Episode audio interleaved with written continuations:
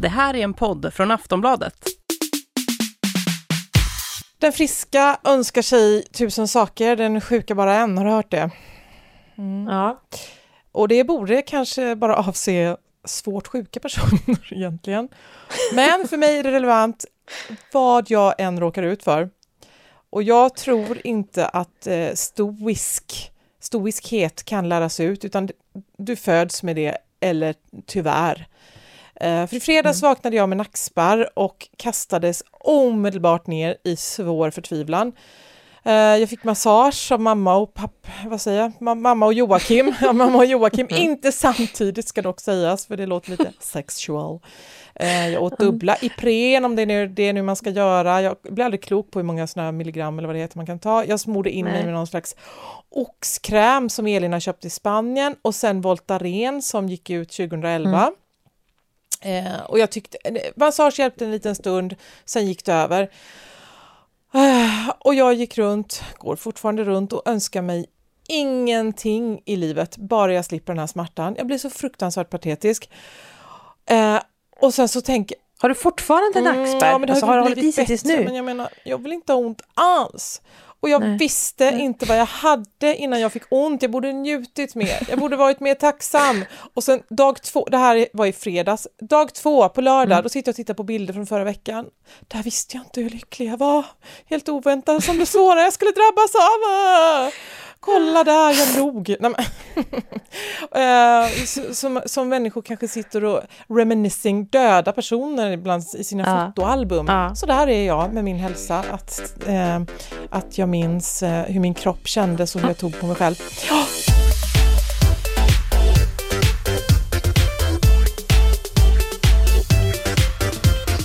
Volin och Klara med Malin Volin och Klara Lidström. Jag tycker det har varit tröstande på ett ganska djupt plan för att alltså um, när man har närstående som har blivit sjuka och dött. Alltså du får inte ta upp din mamma när jag pratar jo, om min jo, nacke, det jo. blir hemskt för mig. men jo, men jag ska säga någonting och det är att det har verkligen tröstat mig då när jag har typ haft så här, varit så här riktigt, riktigt magsjuk eller riktigt, riktigt förkyld. För att då har jag verkligen känt så här, ja men alltså jag har inte dödslängtan, men jag känner verkligen att jag bryr mig om ingenting annat än att slippa den här smärtan. Och då tänker jag att ja, men om man är riktigt, riktigt sjuk så när man är frisk och sitter med någon som är sjuk så tänker man ju liksom att den ska vilja ha livslust och du måste fortsätta kämpa och det är så sorgligt att den inte orkade, den inte ville och så här. Och så får man prova lite, lite grann, så en promille av den smärtan till exempel eh, som man kan ha när man är, har någon, liksom, ja, har någon svår sjukdom eller någonting och är döende. Och så får man känna bara att just det, men man vill ju faktiskt inte, alltså man vill knappt leva när man har influensa, så man är väldigt redo på att bara, eh, liksom, ja, inte ta, såklart inte ta livet av sig, men du vet så här, bara, jag kan bara kasta in handduken, jag bara struntar i allt där, det enda jag vill är att må bra. Och det, ja, jag har blivit jättetröstad av att tänka så att när man blir tillräckligt sjuk så kommer man känna att det är en befrielse och då behöver man inte, då kommer man inte ligga där och tänka att man kanske vill gå upp och gå ut och ta itu med sitt jordgubbsland eller liksom sätta sig och skriva, utan man kommer bara, man kommer ha en djup, förhoppningsvis djup acceptans för att eh, släppa taget om allt. Gud vad deep det blev, men eh, skitsamma. Ja, alltså du, istället för att håna mig så bara gick du mig till mötes, men jag om du ja. tror att ett jordgubbsland kan få igång mig på något sätt, då jag väljer ju hellre döden. Jag går ju mot ljuset, eller mot mörker. Vilket håll ska man gå till för att komma till döden, än att gå till ett jordgubbsland som är fixat. Hur kunde du tro att det skulle vara något slags incentiv, eller vad incentiv, nu är det för varmt i det här rummet. Uh. Jag har ju ett uh, barn som eh, som var ganska så stor när han för första gången kräktes. Eh, ja. och, så han visst, förstod ju inte vad som hände. Och eh, kanske att han var tre, jag vet inte. Och, och liksom bara stod mm. och var helt chockad och bara ah, ah, ah, ring polisen! För att det var hans första tanke att det kan inte, ja. så här får det inte gå så till. Här får det inte gå nu till. måste ni ringa polisen, Nej. jag är utsatt för ett övergrepp. Jag vet inte.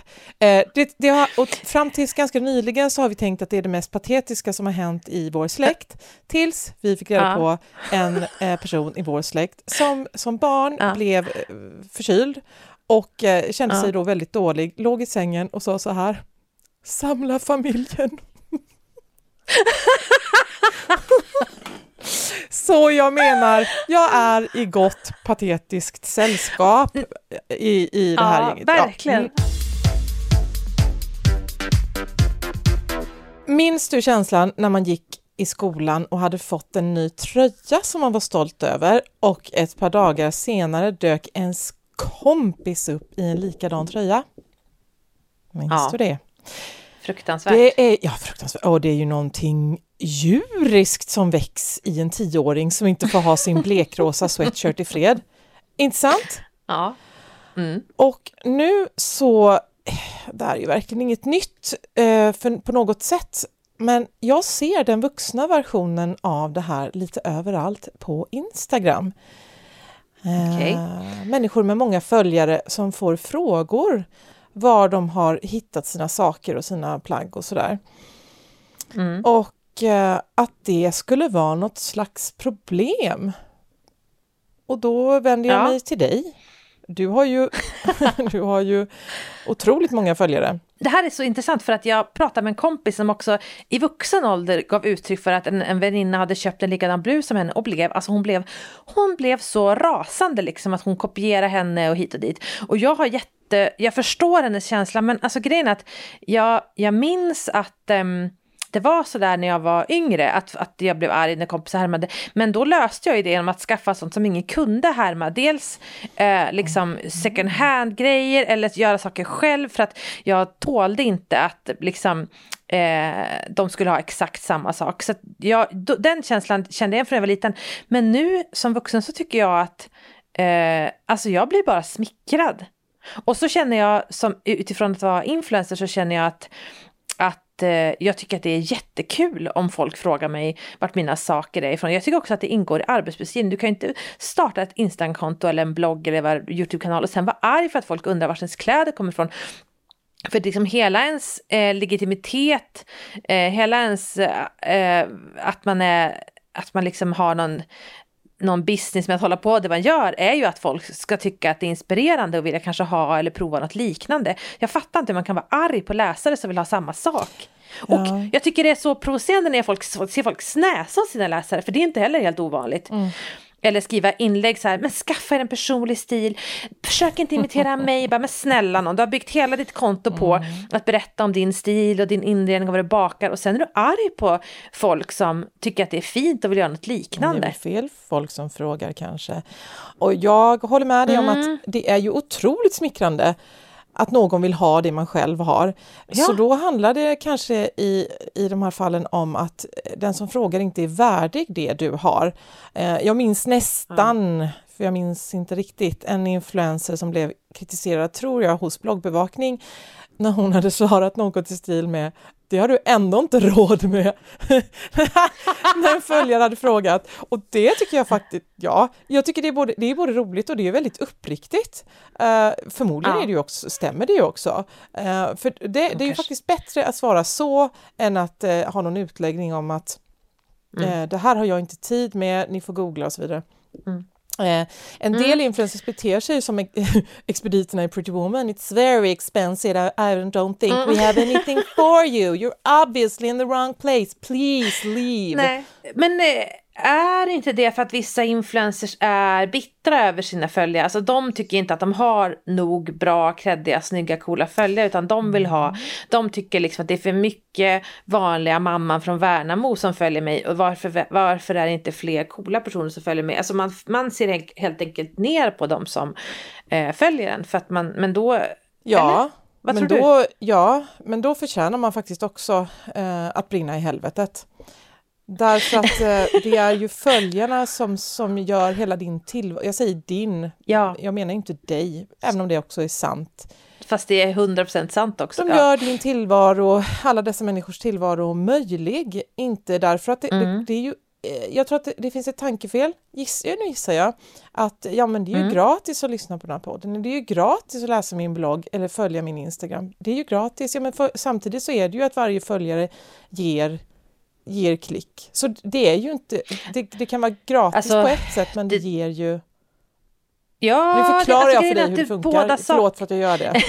Tack för att du gör det. Nej men båda sakerna är ju sanna samtidigt. Ja, för att det ena sidan känner jag, jag håller med, alltså jag känner verkligen så här, och influencers som klagar mycket på sina läsare, då känner jag så här, men då får du göra dig av med, om du har läsare som är sura på dig och så fort du skriver något eller så här, då får du uttrycka det på ett sånt sätt att de läsarna slutar följa dig och så får du försöka hitta andra, vi, vad, alltså du måste ändra hur du är så att du får andra typer av följare. Om du är missnöjd med att det är för lågt i tak eller du får bara kritik hit och dit. Ehm, eh, eller så får du liksom hantera eh, hur det är, för att, för att man, man, man får ju någonstans de följare man förtjänar.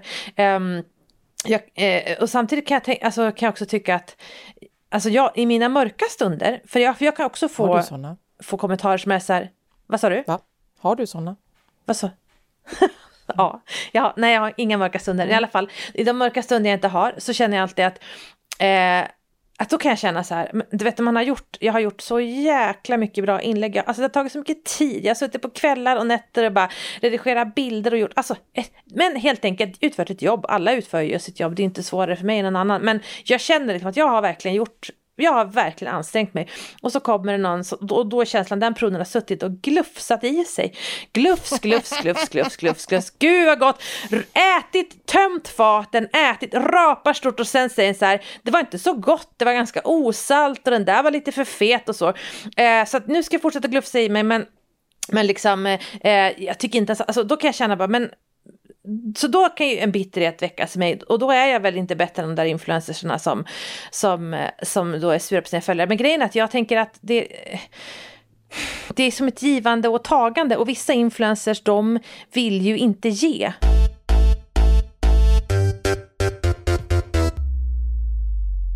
Jag svarar på, och det är ju det är en smal sak eftersom jag har ju inte så många följare, eh, men jag försöker att svara på alla frågor eh, som kommer Mm. på, ja, och, och eh, ibland så kan jag, jag kan verkligen, det, ja, men det, du skrev en gång ett inlägg som handlade om, eller du skrev en kolumn om, eh, var hittar jag den? Och, då, Ja. och då, då tänker jag att den här personen har ju förmodligen googlat en stund. Ehm, så, och, och det är då man väl, vänder sig till källan. Och det är väl klart att jag ska hjälpa till med det. Men Ja. Ofta så tar det ju väldigt lång tid och jag kan fastna ibland och, tänk, och så, så tittar jag upp i min verklighet och det har nästan blivit kväll. Nej, men, och så tänker jag att nu har jag ju lagt ner mer tid på det här än jag har sett vissa av mina barn idag. Mm. Men Mm. då är det så. Och betyder detta då att jag är en bättre människa? Tveklöst ja! Det är klart att det är bättre att vara vänlig och hjälpsam. mamma. Jag är en sämre mamma, men jag är en bättre människa överlag. Därför att Mm. eh, det, det värsta, det, det, det är något av det ledsammaste som har sjungits i en svensk låt är ju Ingen vill veta var du köpt din tröja. Det, är- det är ju det man, man tar med sig från den låten, eh, kanske i och för Ja. sig eftersom den heter det. men, men också den raden är liksom hårdare än det andra, att ingen vill veta var ditt hus låg eller allt vad det är. Utan Ja. ingen vill veta var du köpt din tröja, det säger allt.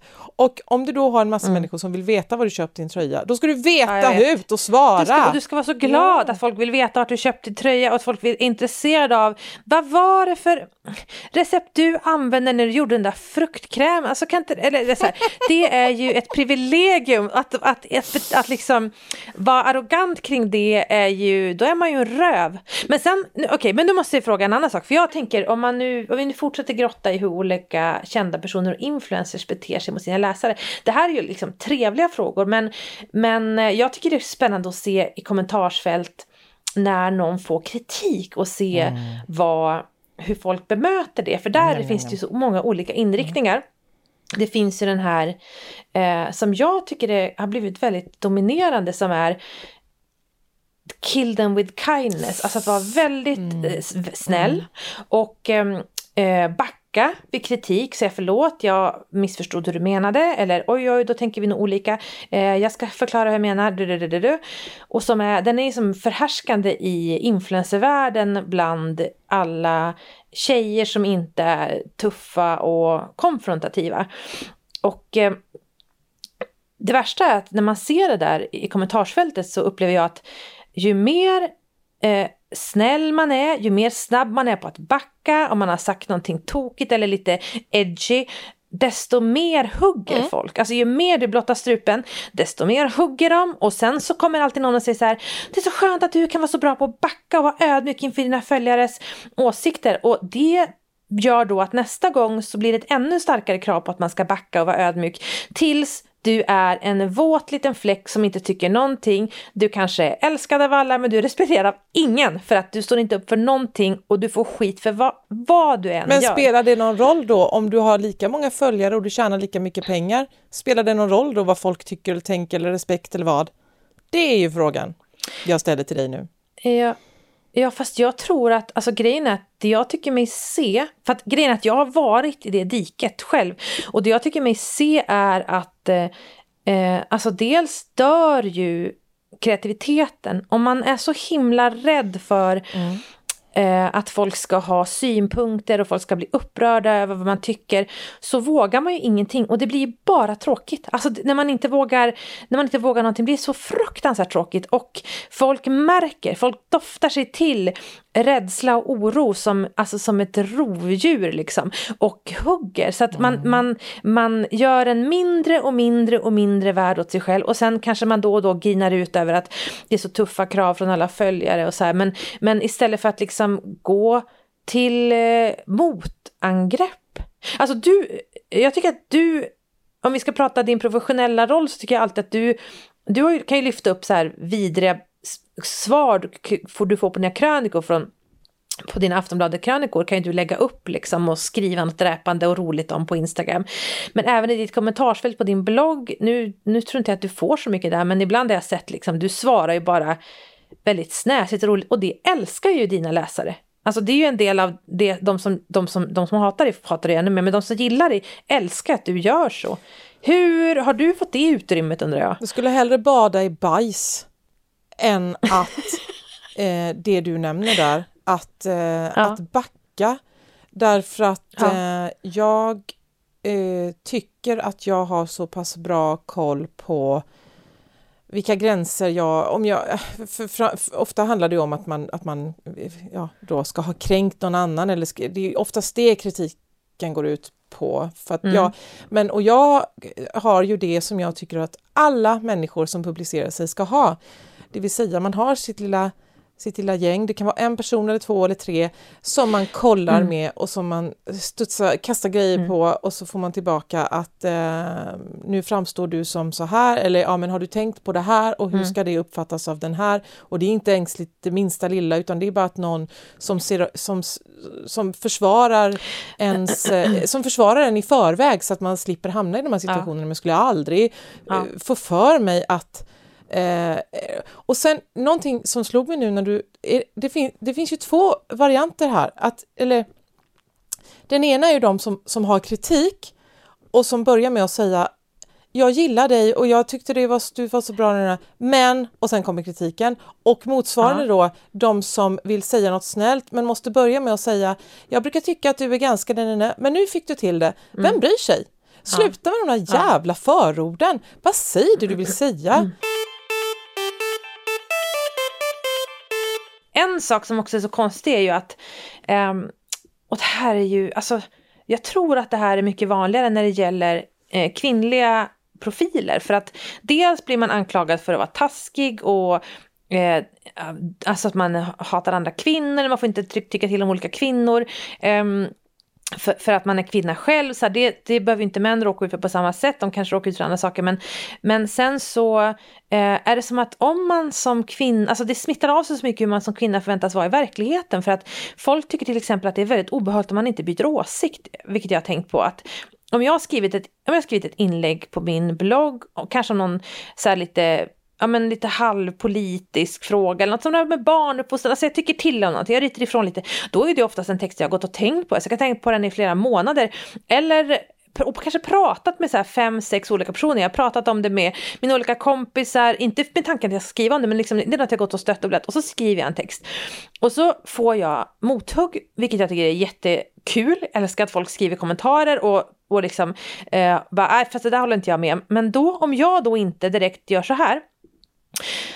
vilken klok synpunkt, jag kanske, det kanske jag måste ändra mig på. Så anses man vara en dryg jävel. Men jag känner så här, men jag skriver väl inte en text om inte jag tror, om inte jag har tänkt på det här perspektivet. Sen det är klart att jag kan få nya perspektiv av eh, sånt som läsare skriver i kommentarsfältet jätteofta, men det är inte så ofta att det ändrar perspektiv på just det jag har skrivit. För det har jag ju tänkt på jättemycket. Om jag alltid bara drog någonting i röven och aldrig hade tänkt, mm. och, och så, så klart att då kanske ofta det skulle vara att jag bara oj, det här var ju eh, jävligt dumt, det här, den här aspekten inte jag tänkt på. Och så upplever jag att många som ska vara så här Eh, alltså Katrin Zytomierska, alltså de, de bara drar något provocerande ur röven och har inte tänkt och har heller inga motargument om de väl blir ifrågasatta.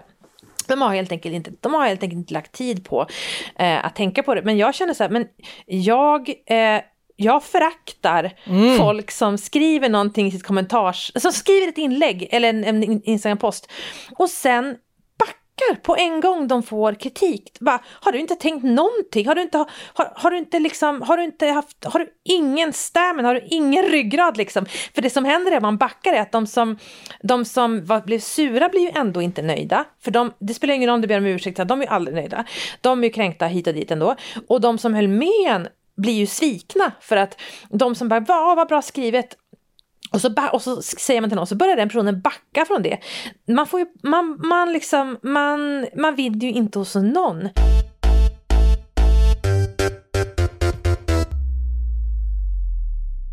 Jag minns nu mm. att jag var med i, um, kan det ha varit Debatt, eller vad heter alla de här SVT, de har ju bytt, men det var väl när det hette Debatt kanske väldigt många år sedan, eh, kanske 14 år sedan eller någonting, eh, och pratade om det här med, eh, för då var det någon som hade, det, det var, hade om, handlade om hat på, på bloggar eller i sociala medier eller överhuvudtaget.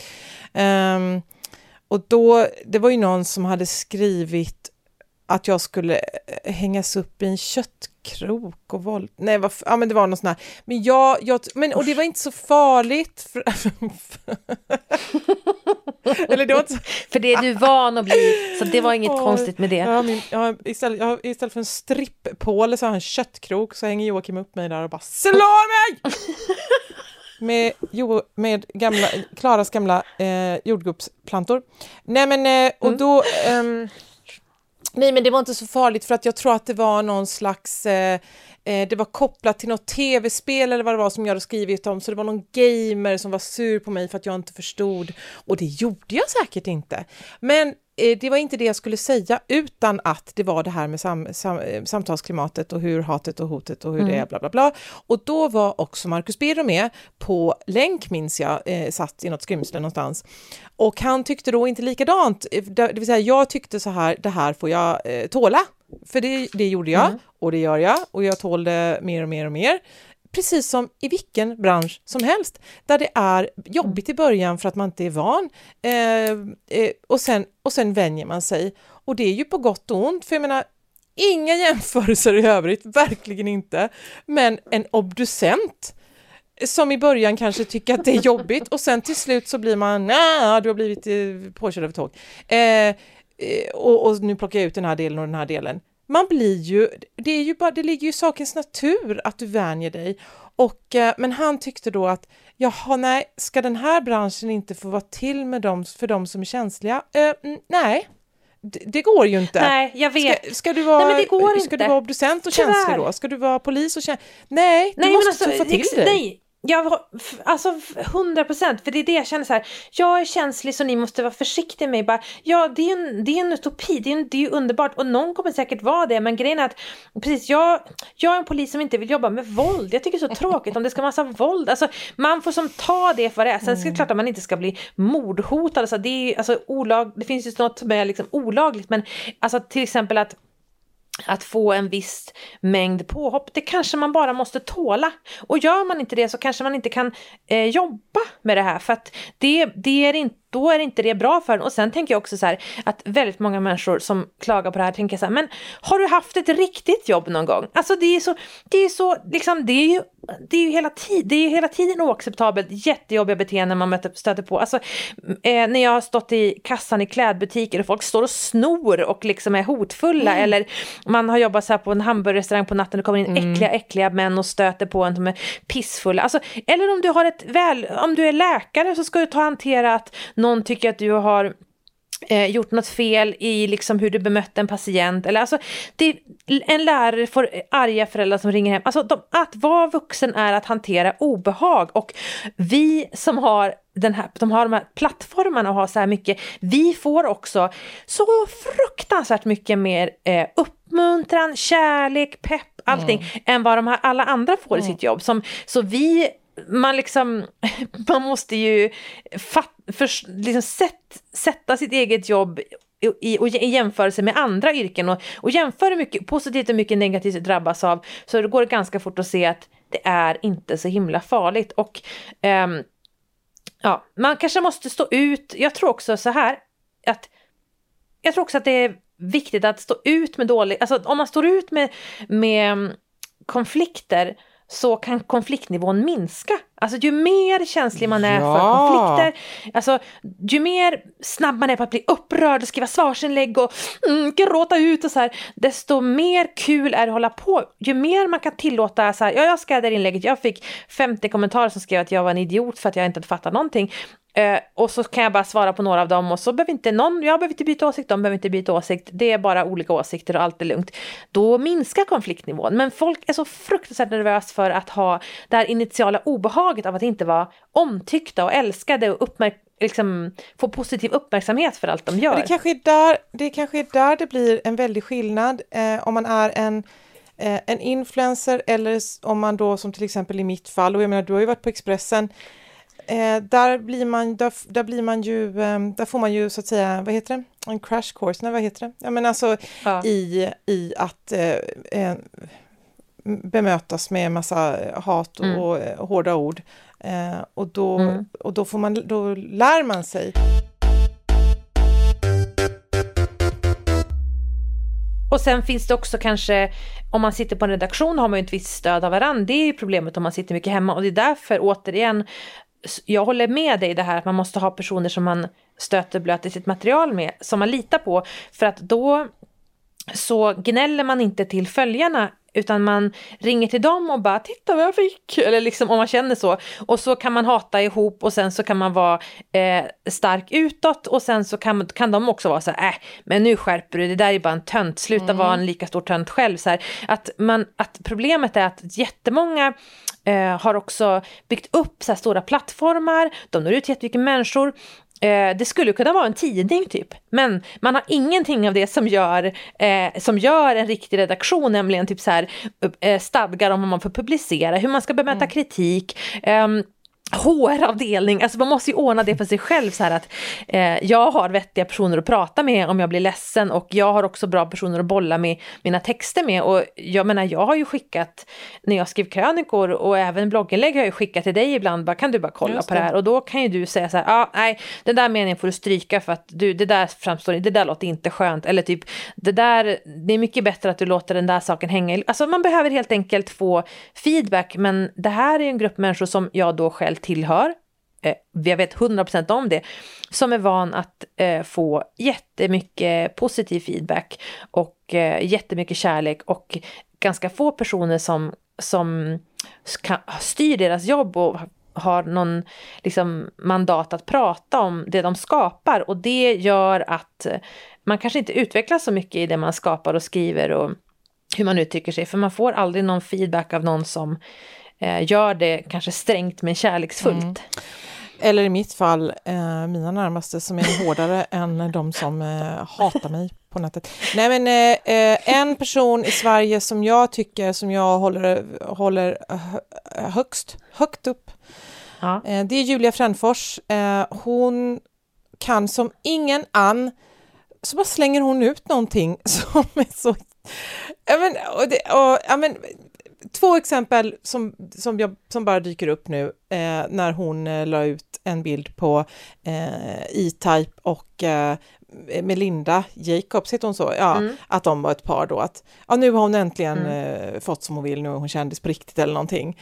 Eh, och ja. också häromdagen så la hon ut bilder på Armand Duplantis, alltså Mondo och hans eh, tjej, jag tror hon heter Desiree, eh, Sveriges osexigaste par. och det, alltså hon kittlar mig överallt på kroppen hela tiden. För att det är ju drömmen drömmen, drömmen, drömmen att våga vara som hon. Men, men det ska sägas, det är inte för alla. Hon har skapat en egen fil, tycker jag, där hon kan åka fram. Jag ska inte vara där, du ska inte vara där, för då blir det, vi, vi är inte hon. Och hon kommer undan med mm. precis allting därför att hon är så kompromisslös och så otroligt mm. rolig. Så att eh, men hon är också, ja och sen är också en annan sak, hon kommer aldrig bli eh, bred. Alltså hon är, ah. det är lite ah. acquired taste med henne för att det är väldigt många som inte vill läsa det där. Men det som sagt, det är varken för alla att läsa eller att skriva. Och, eh, men, men grejen är att om hon, hon, har ju, hon har ju ordnat det där utrymmet för sig själv. Genom mm. att göra en massa saker som är obehagliga. Mm. Alltså hon har tagit en massa initialt en massa skit. Nu har hon det där utrymmet. Och man behöver inte göra det hon gör. Men om man själv känner att jag kvävs, om man, är, om man är, nu är en influencer lyssnar på det här. kanske finns två, kanske en eller två influencers i hela landet lyssnar på det här. Om man känner att jag blir kvävd av den roll jag förväntas ha, då måste man själv ta ansvar och börja ändra den rollen. Och det kommer börja med att man behöver göra folk eh, sura, besvikna, missnöjda, irriterade och sen så kommer de eh, som inte står ut med att vara det kommer försvinna och då kanske man kan däremot hitta till lite andra personer. Eh, men man kan liksom inte få friheten utan att betala ett pris för den och är man inte beredd att betala det priset, men då får man spendera resten av sitt liv med att skriva inlägg och sen be om ursäkt och sen backa och sen be om ursäkt igen och sen skriva ett ännu töntigare och mesigare inlägg nästa gång för att man inte vågar tycka någonting om någonting. Bra! Det är liksom hur det är. Bra Klara, vad duktigt av dig att eh, komma med ett sånt eh, tydligt tips. ja men jag menar allvar, du tror att jag driver nu? Nej, jättebra. Eh, får jag också bara säga en sak som jag tänkte. Jag fick ju ett dödshot. Eh, jag har fått ett par stycken kanske under alla dessa år. Det är verkligen inte mycket. Eh, alltså rena, eller rena dödshot, men sånt som har anmälts då. Och då så tar jag ju det till Aftonbladet Eh, och så får de sköta det. Och då nu senast, så vad kan det ha varit, ett halvår sedan kanske, eller ett år sedan? Ja, då så, eh, eh så, ville de, eh, så fick jag från eh, Aftonbladets, den avdelningen som sysslar med det här, eh, då ville de veta att jag skulle skicka den här IP-adressen och sådär. Eh, och så visade det sig att eh, den här personen har eh, dödshotat andra på Aftonbladet. Och då upplevde jag två olika känslor varav den andra vann. Den första var att vad skönt att det inte bara är jag därför att då kanske du inte bara, du har inte bara sikte på mig, du kommer inte komma och döda mig och så. Och den andra känslan var, men för fan, det var ju vi! Alltså, det var inte speciellt. Nej! Och säger inte det bara allt om en människas enorma ego? Jo. Att du ska vilja döda bara mig!